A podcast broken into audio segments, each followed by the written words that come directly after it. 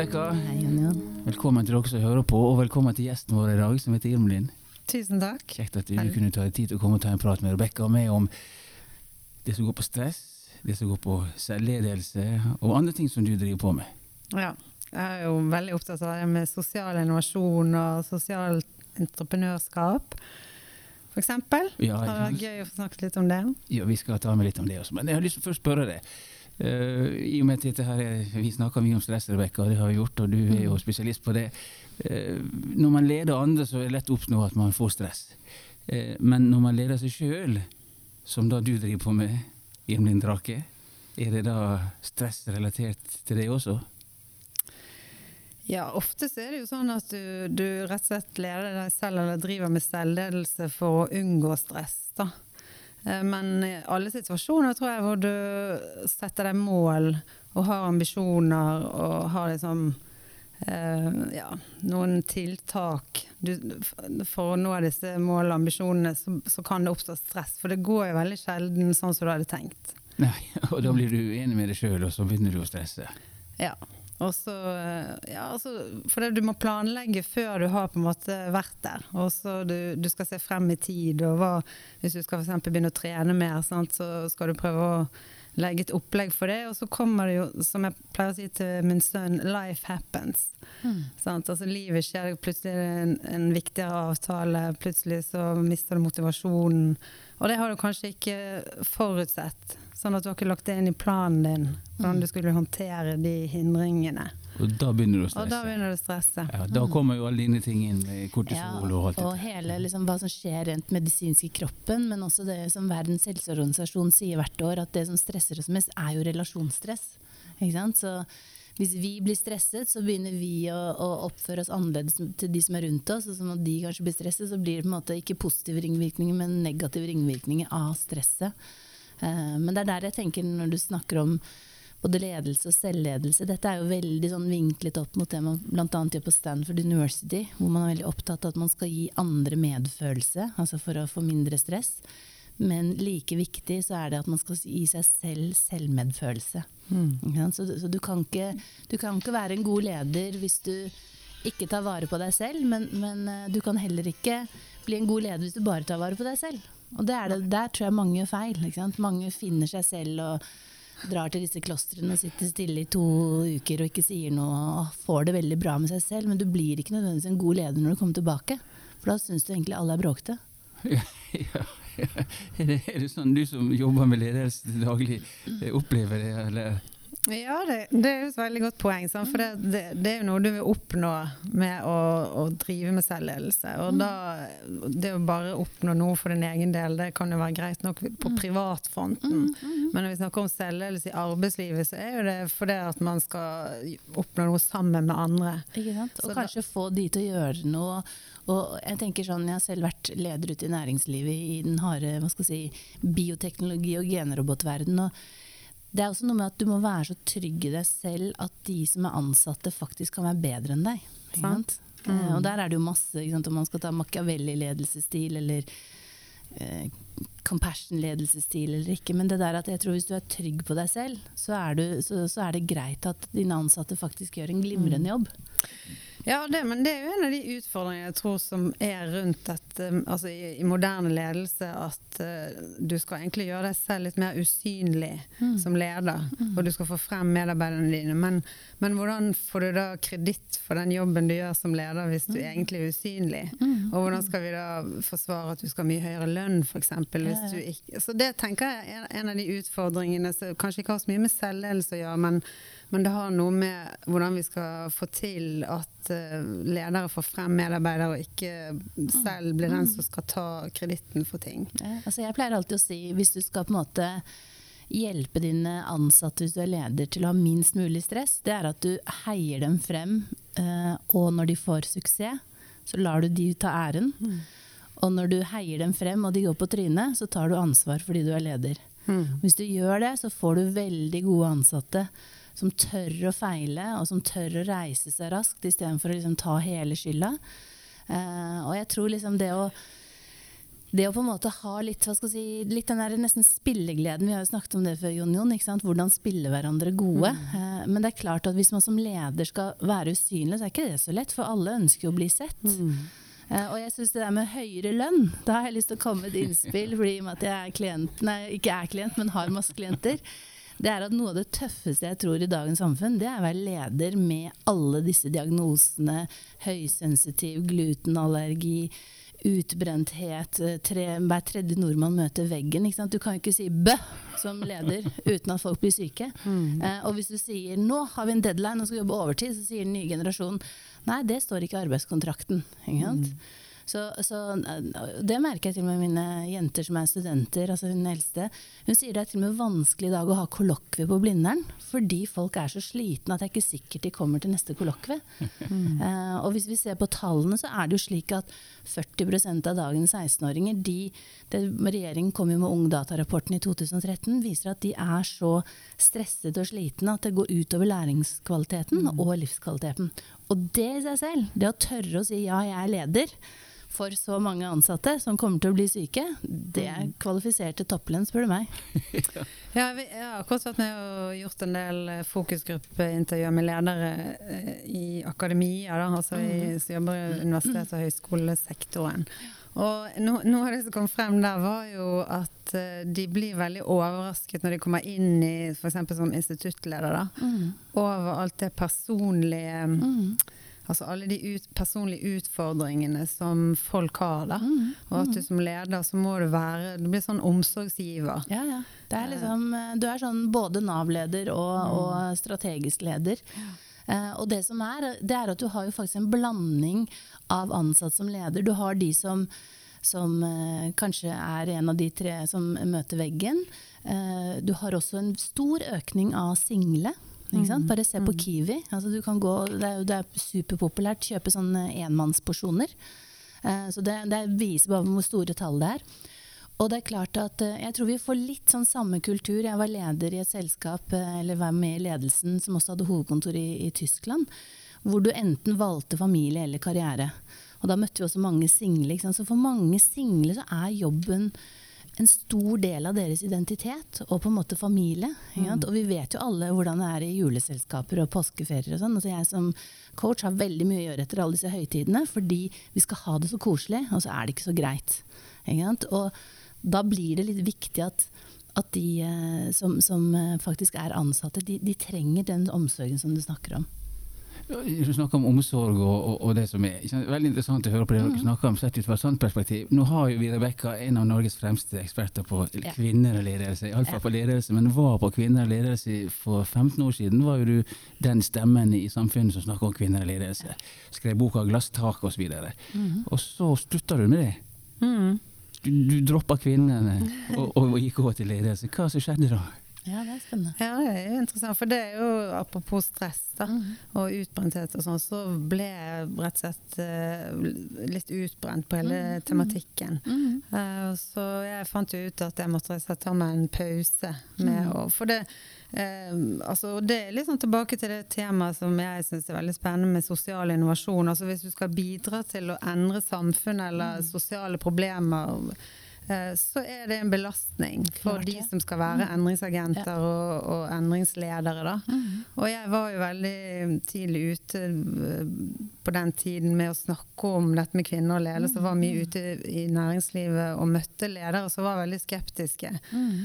Og også i forhold til forskning, eh, forskningsfeltet, så var det sånn eh, Hvorfor skal du forske på dette? Dette er jo ikke forskning, dette er jo politikk. Skulle tro, skulle tro vi snakka om for 100 år siden. men Ja. Jo, men det er sånn i det medisinske, der støtter jeg deg fullt ut. Altså det å, å, å for forske på kvinnesykdommer, det er liksom, det er ikke sånn, det er litt sånn annenrangs. Mm. Det det er lite status, og det er på en måte litt belastende. Og sånn. Så det, det Men bare var, for, unnskyld at jeg avbryter, men bare for å oppdatere, da, så snakker vi om 15-16-17 år siden. Sant, eller?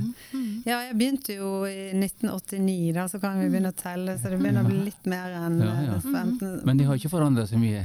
Nei, det er jo helt ufattelig, syns jeg. da. Når jeg, hadde, jeg var jo så overoptimistisk når jeg satte i gang med dette, men uh, det temaet. da.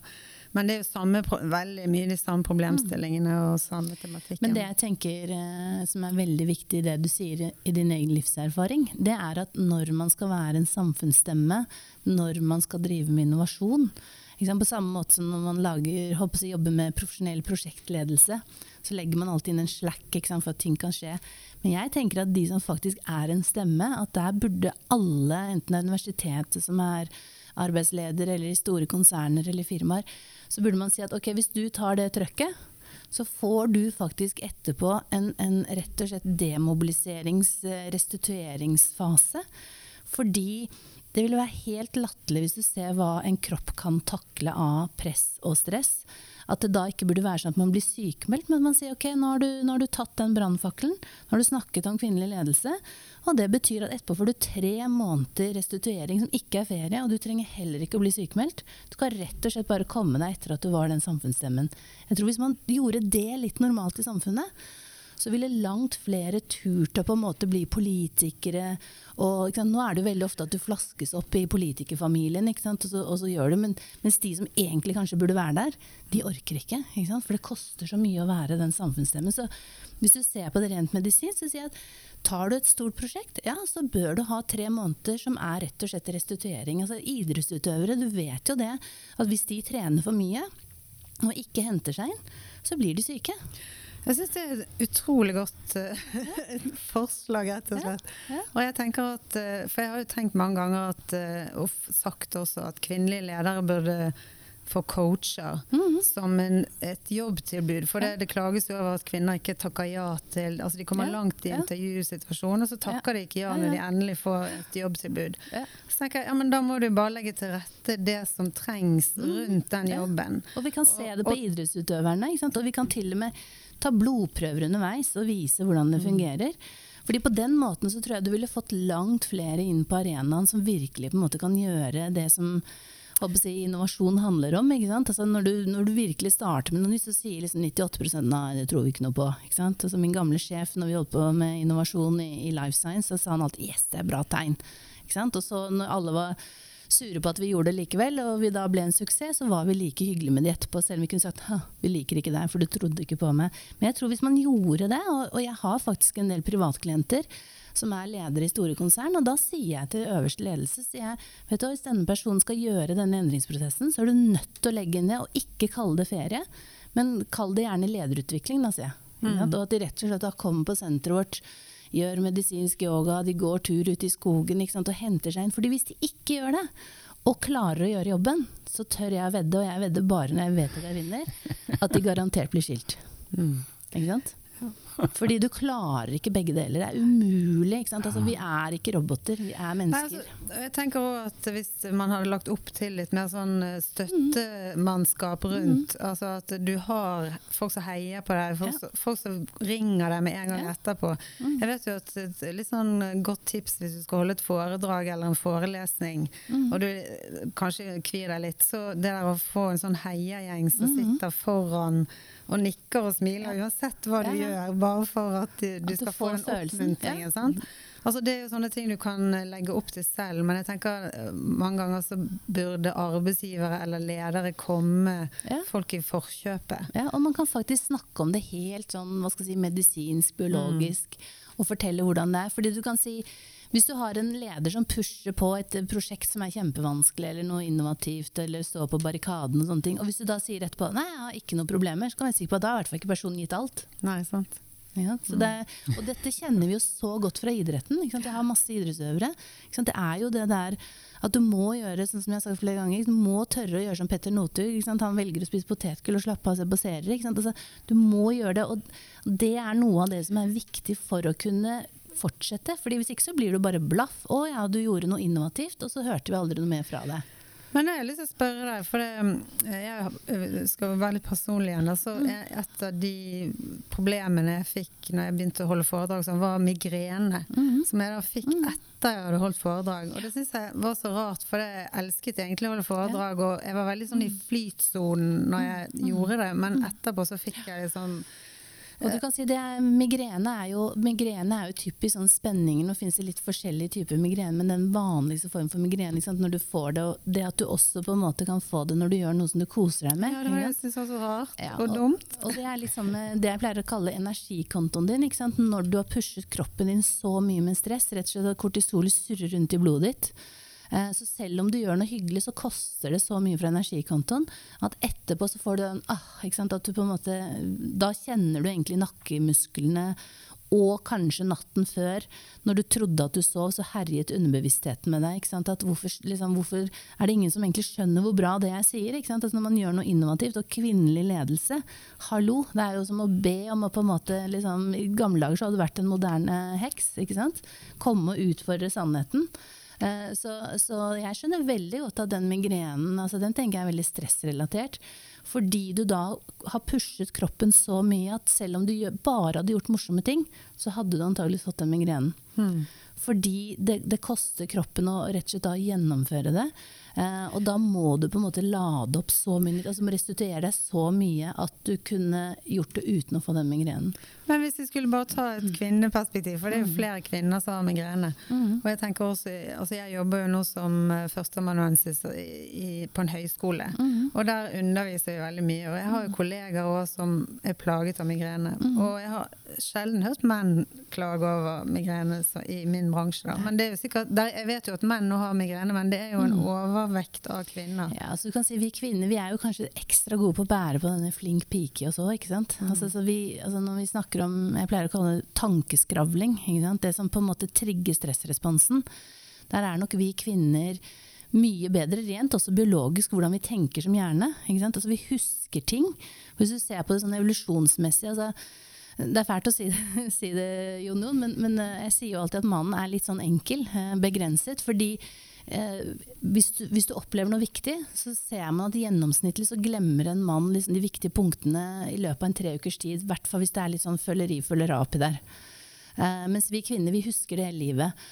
Og forskerne forklarer ofte dette med at dette er jo logisk, fordi altså, vi kvinner når vi hadde barna og satt rundt leirbålet, vi skulle huske alle tingene, vi skulle huske relasjoner, vi skulle passe på relasjoner.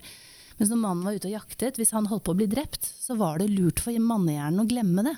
Hvis ikke så hadde du ikke gått ut på jakt igjen. Da hadde du sagt nei, jeg vil ikke på jakt. ikke sant? Så, så, så du kan si vi er fysiologisk forskjellige. Eh, pluss at vi blir oppdratt at jenter skal oppføre seg litt bedre. Og hvis en gutt er rampete, så er han bare sånn Å ja, lille Pelle er jo så morsom, ikke sant. Pluss at han har testosteronet. Så, så jeg tror det at menn de er mye flinkere til å på en måte ikke på en måte trigge stressresponsen gjennom den negative tankeskravlingen. Mm. Uh, men vi ser jo nå til dags, jeg får stadig flere unge menn som nå får mer stress fordi de også f.eks. har fått kroppspresset, som, mm. som bare kvinnene har kjent på. Uh, nå er det jo menn som begynner å ta Botox og putte inn ting for å se ut som de har mer muskler og, og alle slike ting. Så, så, jeg tror nok at uh, hvis jeg hadde vært øverste leder i konsern, så hadde jeg lagt et annet opplegg for mine kvinnelige ledere enn mannlige ledere. For selv om vi har likestilling, så kan ikke engang likestillingen si at vi biologisk er like, for det er vi ikke. Men det er jo der du er inne på noe som er både veldig spennende og veldig veldig trøblete. Og det er jo det, og det å liksom båse folk med, med bakgrunn i kjønn i en moderne verden. Mm, mm. Og det jeg tenker at eh, altså For eksempel så har jo rektor på NTNU mm. eh, sagt i, var på en konferanse i fjor at kvinner skulle slepes inn i, mm. i lederstillinger. Mm. Eh, og det var jo positivt ment i den forstand at han etterspurte kvinner, og så var det dette med at kvinner ikke selv søker mm. og ikke mm ikke vil, da. Mm. Uh, og hva skal vi da gjøre? Jo, vi må slepe altså, det, er jo det, er jo, det er jo en litt sånn herseteknikk bare å si det og slepe ja. inn. Det høres sånn ut som sånn der, du er i, i, hulen din og skal slepes inn for å bli gravid omtrent. Altså. Ja, det, du kan si, jeg tror ikke han fikk så mye pepper for det, men jeg husker mm. da jeg leste det, og jeg var der også faktisk når han sa det på den konferansen så, eh, så, tenker jeg at uh, vi har en utfordring for det at vi vil gjerne være så moderne, og vi skal ikke mm. være båse noen. Og som ledere så må du være veldig forsiktig da, med å mm. liksom si at her har vi tilbud for kvinner. og her Hva tenker du om det? Men jeg tenker det som er viktig, er å si at uh, har vi kommet så langt at menn kan føde barn? Nei, det har vi ikke. Du, ikke altså, vi, det har vi ikke. Så, så, så, det har vi ikke. Har vi kommet så langt at menn kan amme barn? Nei, det har vi ikke. Og vi er faktisk på denne jorda eh, fordi moder natur har sagt at vår art kan få lov å være der og fortsette å reprodusere seg. Så du kan si det at vi er biologisk forskjellige, det tror jeg de fleste vil være enig i når vi tar, drar den så langt. Og så er det klart at eh, hvis man tør å si at ja, vi er biologisk forskjellige, så det betyr at alle skal få lik støtte, men den støtten må være forskjellig. Ja. Eh, og, og rett og slett at kan si Til og med i det norske lovverket så er det sånn at hvis vi kvinner dreper noen mens vi har PMS, så får vi lavere straff. Så til og med der har de fått med at hvis du på en måte er blant de kvinnene som blir ekstra hissige eller deprimerte eller sinte eller hva vi blir når vi får mensen, eh, så, så har man tatt hensyn til det. Eh, og du kan si Jeg tenker det som er viktig, det er å, å si rett og slett at ja, vi er forskjellige. Vi skal få samme altså likeverdig Ja. ja. vi skal få samme støtte, men du kan ikke forvente at, at du kan gi det samme fordi vi er forskjellige. Og så kan man også da gradere at vi er forskjellige personligheter, og til og med hvilken plass du har i søskenflokken og alt dette her. Men det jeg merket som kvinnelig ledersjel jeg husker en gang jeg skulle bli leder i noe som het biomedisinsk innovasjon. og Da, var det sånn headhunterbyrå som stilte meg jeg tror det var 1700 spørsmål. eller noe sånt. Og da etterpå fikk jeg analysen at jeg var den perfekte lederen. Bortsett fra ett sted som var litt rart. Det var at jeg var ikke villig til å gi alt når det kom til barna mine. Så sa jeg nei. Jeg er større mamma med M enn jeg er leder. Hvis barna mine hadde vært alvorlig syke, og jeg kunne tapt noen millioner, selvfølgelig hadde jeg valgt barna mine. Og det sa de, ja det var litt rart, fordi menn ville gjøre sånn. Så sa jeg, men de sier bare svada. Altså jeg er mor selv om jeg er en leder.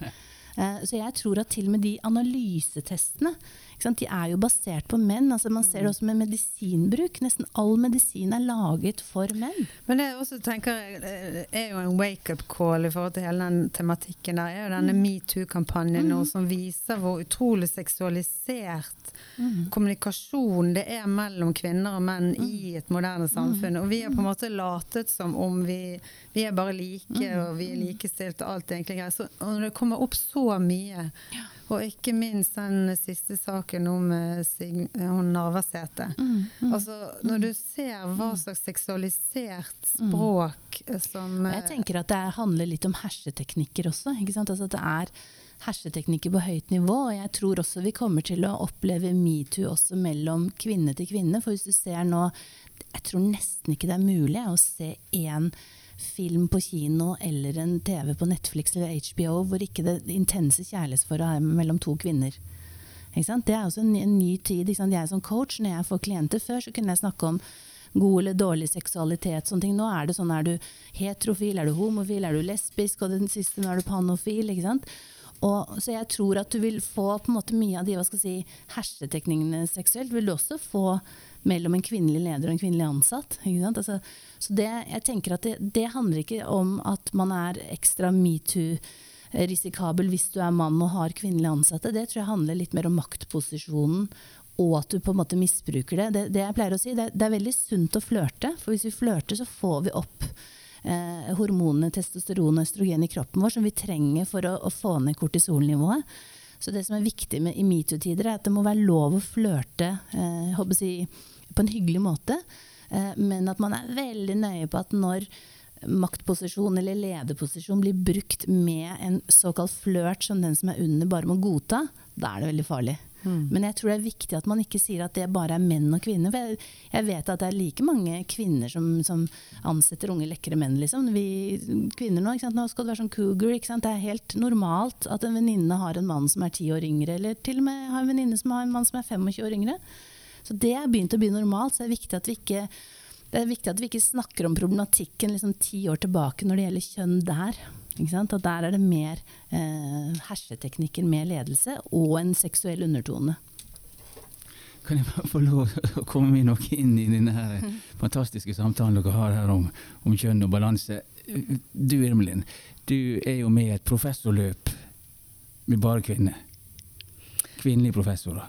Ja, altså det er jo Som ja. er satt i gang for, det for å få opp kvinnelige professorer. Pga. at det er mangel i det systemet. Ikke sant? Og da snakker vi akademia. Hvordan fungerer disse tingene her som vi nå snakker om ledelse i bedriftslivet? Hvordan er det i akademia? Ja, det er jo eh, altså, politikere og samfunn og Norges forskningsråd som har bestemt at det, altså, andel kvinnelige professorer er altfor lav. Det er sånn, når dette prosjektet ble satt i gang, så var det sånn ca. 25% av professorene var kvinner. Og i og med at eh, kvinner er stadig økende andel av studenter på universiteter og høyskoler, så blir jo det et eller annet feil. eh, feil. Mm. Så derfor bevilget Norges forskningsråd veldig mange millioner til eh, forskjellige prosjekter som skulle se på den tematikken og gjøre noe også. Så jeg var med på et prosjekt som uh, gikk på Høgskolen i Sørøst-Norge, hvor jeg jobbet da. Mm. Um, og da, det var jo en kombinasjon av eh, å skape et nettverk for eh, da kvinner som var på vei mot eller kunne kvalifisere seg til professor, men var ikke mm. kommet der ennå. Mm.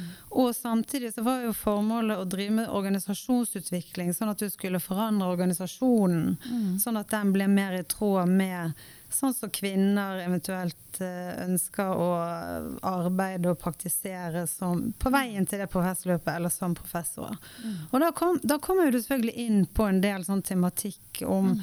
ja, hva må vi gjøre med akademia? Da må vi, må vi gjøre noe annet med organisasjonen vår for at det skal være attraktivt? For mm. det, at, eh, altså det professorløpet er jo kjent for at det er en type oppgave hvor For det første, for å komme dit, så må du på en måte jobbe deg i hjel. Og du må i hvert fall jobbe utenom normalarbeidsdagen. Og du må bruke ferier og fritid og ettermiddager og kvelder og sånn for å komme dit. Mm. Og det er jo en typisk maskulin prioritering. Og mm. kvinner er jo ofte ikke interessert i å ha eh, få karriere på de premissene. Ja, og så tror jeg også det som er viktig, enten du er i akademika eller om du er i, ute i verden, at hvis vi ser hvordan ting har fungert. da.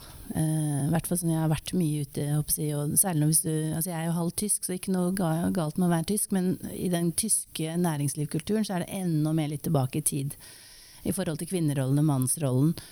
Og jeg tror ikke det som er viktig når man setter i gang sånne tiltak for å få flere kvinner, og sier ja, men hvorfor fungerer det ikke like bra som menn? Altså, Hva er det menn har gjort i århundrer? De har hatt gutteklubben grei. Ikke sant? Så hvis vi later som gutteklubben grei, nei, den hadde ikke noe å si at den og den fikk den stillingen. Så hopper vi over en veldig viktig faktum. ikke sant? Altså, egentlig så burde man lage jenteklubben grei hos ledelsen. Eh, fordi, fordi, til og med den dag i dag så er det sånn altså Jeg vet til og med Fordi jeg, jeg er ofte sånn jeg, jeg, jeg lurer meg inn i gutteklubbegreier. ikke sant? Eh, jeg får lov å være med i lukkede si, grupper på Facebook, enten det er til og med politi eller eh, professor og sånn. For de sier at okay, hun er så gæren så hun kan være med inn. Det er lillesøster som har hatt en bror, så jeg vet liksom hvordan jeg snakker med menn. Men hvis vi later som at hele ledelsen på universitetet og næringslivet ikke har vært preget av gutteklubben Grei. Bare se på styret rundt omkring i næringslivet. Det er jo gutteklubben Grei så det holder. Så, så, så, jeg tenker det som er viktig, da, det er å på en måte si at Ok, Enten så må vi si at det ikke er lov å ha det, eller så må man ha en sånn, altså, ha en uh, gjeng altså At disse kvinnelige professorene sånn, faktisk gjør ting som bare er litt moro. Mm. Uh, og hvor man sier liksom ja, jeg vet liksom at vi gjør sånn, men uh, jeg, jeg, stoler på at dette er lurt å gjøre. Og så gjør folk det. fordi det er sånn mange beslutninger blir tatt gjennom århundrer. Ja. I politikken og overalt. Overalt. Ja. Mm. Ehm, du skal få si mer om eh, det du brenner for på ditt øyeblikk, men du, du, er jo inne i professorløp sjøl. Eh, er det alle disse her andre som starta opp med det i det løpet, som fortsatt henger på, eller er det et stort frafall med disse damene? Nei, altså det, det, som skjedde med det prosjektet vårt, var jo at vi ble eh, oppsagt, skulle jeg si. Altså, vi måtte avslutte det etter bare to og et halvt år, for Oi. vi ble klaget inn til ombudet av en mannlig eh, medarbeider som ikke fikk lov å være med i prosjektet. Mm. Og da viste det seg det at da var jo det diskriminerende for det at det var nettopp et sånt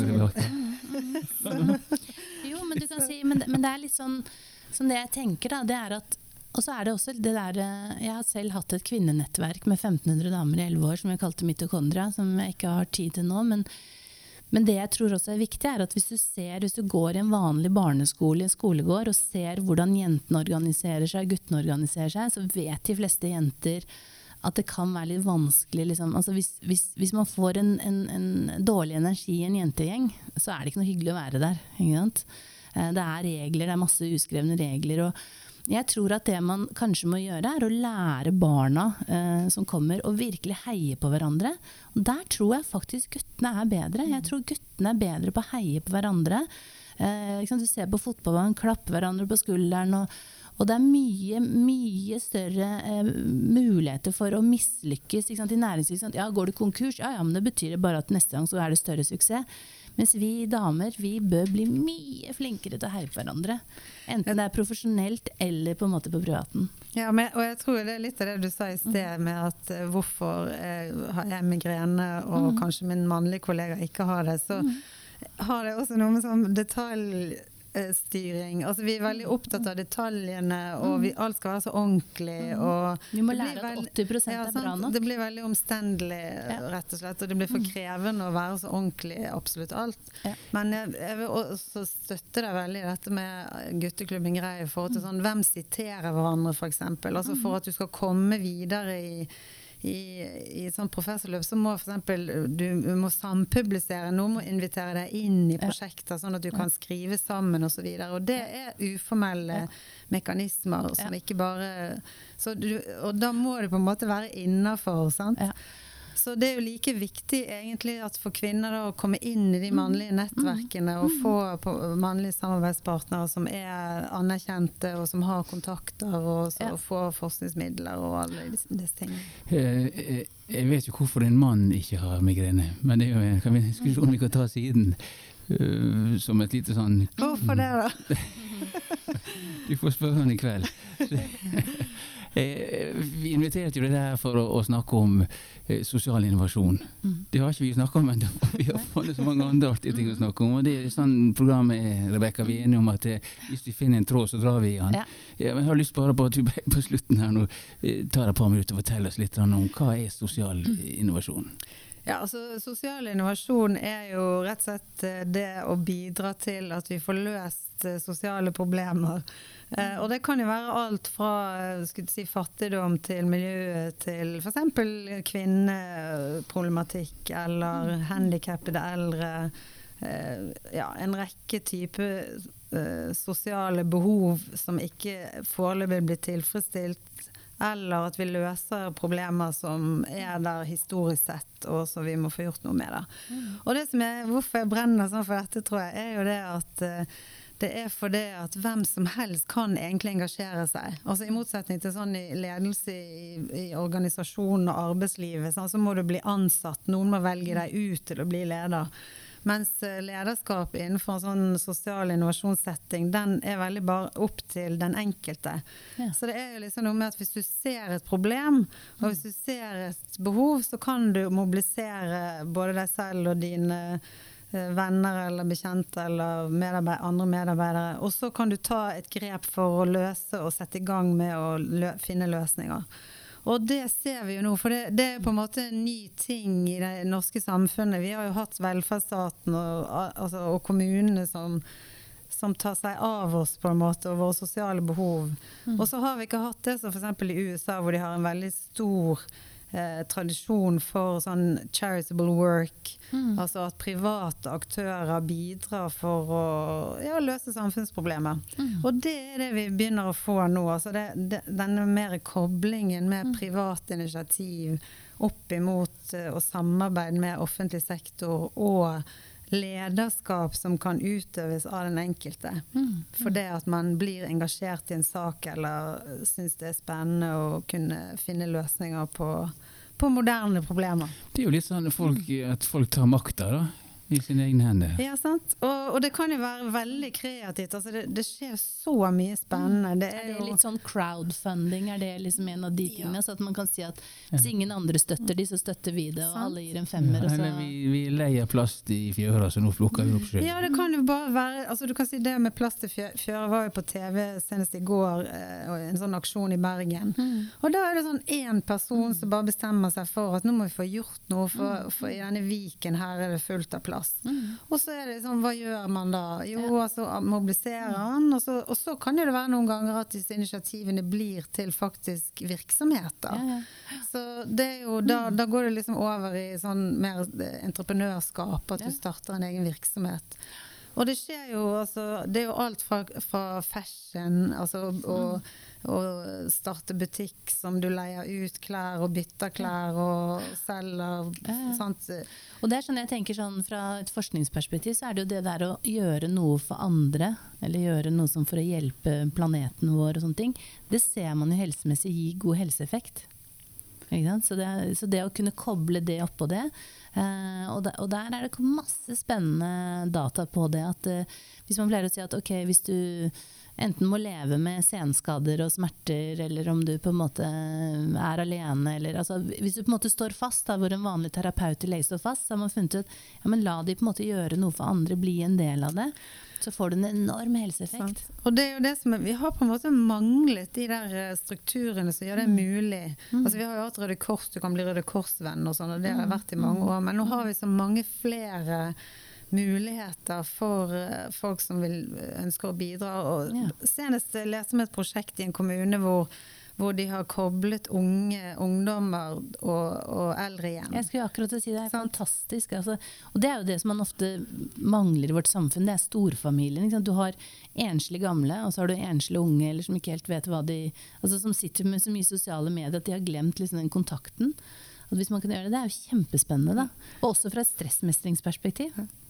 Og det ser jeg også nå at de, jeg så akkurat en film på YouTube at eh, de har fått kyllinger inn i, i eldre, Ja. eldreboliger, da, hvor de tar seg faktisk av de og mater de, og da får de en kontakt som, de, som gir veldig mye. Så her er jo uendelig Men har man i Norge egentlig noe, fordi de dataene refererer er ofte forskning i utlandet, men altså man burde jo virkelig koble dette opp mot på en måte, altså Det er ikke så vanskelig å måle blodprøver og gener og litt hjerneskanning, liksom. At man faktisk kunne sett sånn før og etter.